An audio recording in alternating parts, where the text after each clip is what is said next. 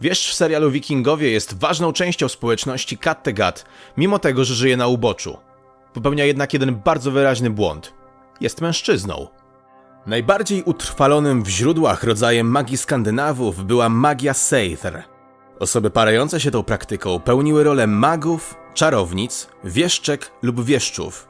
Takie osoby miały moc przepowiadania, jak i odmieniania losu, który był tak ważny w kulturze Skandynawów wczesnego średniowiecza.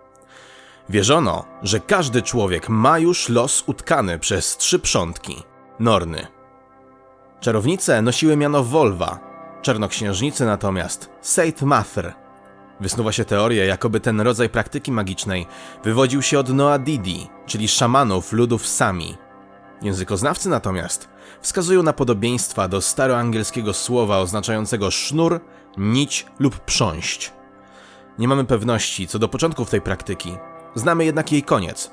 Król Olaf Tryggvason w ramach chrystianizacji Norwegii miał wiązać magików i porzucać na małych morskich wysepkach, by tam zginęli. Jak widać, tego biegu wydarzeń nie przewidziały. Najbardziej znanym przykładem Wolwy w sagach była wieszczka z sagi o Czerwonym Eryku, która miała podróżować od miasta do miasta i od wsi do wsi, przeprowadzając różne rytuały w zamian za jedzenie i dach nad głową. Saga opisuje ją w następujący sposób. Nadeszła wraz z wieczorem w towarzystwie mężczyzny, który został wybrany, by ją sprowadzić.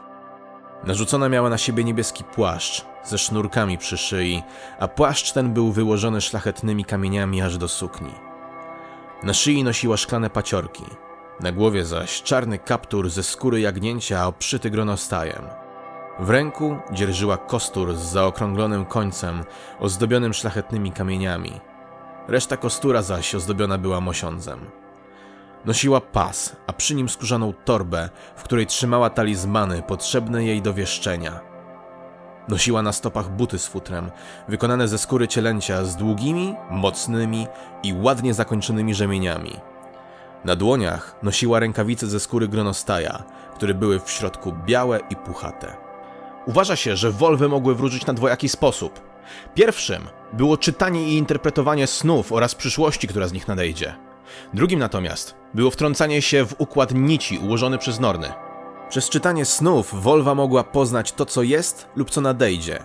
Druga żona Halfdana Czarnego, Ragnhild, nie zapisała się w historii jako wieszczka, ale miała wyśnić drzewo o krwawym pniu, silnej zielonej koronie i białych gałęziach, które zakryły całą Norwegię. Krwawy pień miał symbolizować jej syna, Haralda Pięknowłosego, który przeleje morze krwi, by zjednoczyć krainę. Korona potęgę i wigor Zjednoczonego Królestwa, a gałęzie potomków Haralda. Wolwa nosiła przy sobie Seither Stafr, czyli kostur zakończony wrzecionem, na który nawleczone były sznurki, za pomocą których wolwy miały luzować nici przeznaczenia osób, którym sprzyjały, a plątać nici wrogom. W ten sposób osoba, której były przyjazne, mogła mieć więcej swobody w ramach swojego losu. Przeciwnicy natomiast mogli na przykład się potknąć o zaplątane nici. Same rytuały prowadzone przez osoby posługujące się magią Seidr były nieczęstym widokiem, a pełnia ich mocy była wykorzystywana w sytuacjach nadzwyczajnych.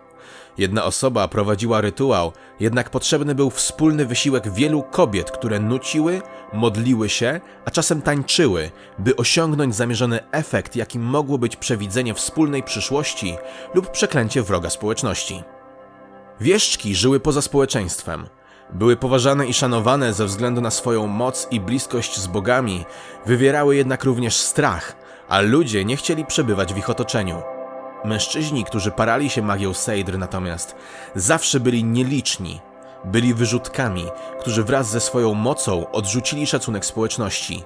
Byli ergi, czyli niemęscy, co było jednym z najgorszych określeń, jakiego można było użyć wobec wikinga i użycie go wobec wojownika często kończyło się odwetem w postaci pojedynku na śmierć i życie.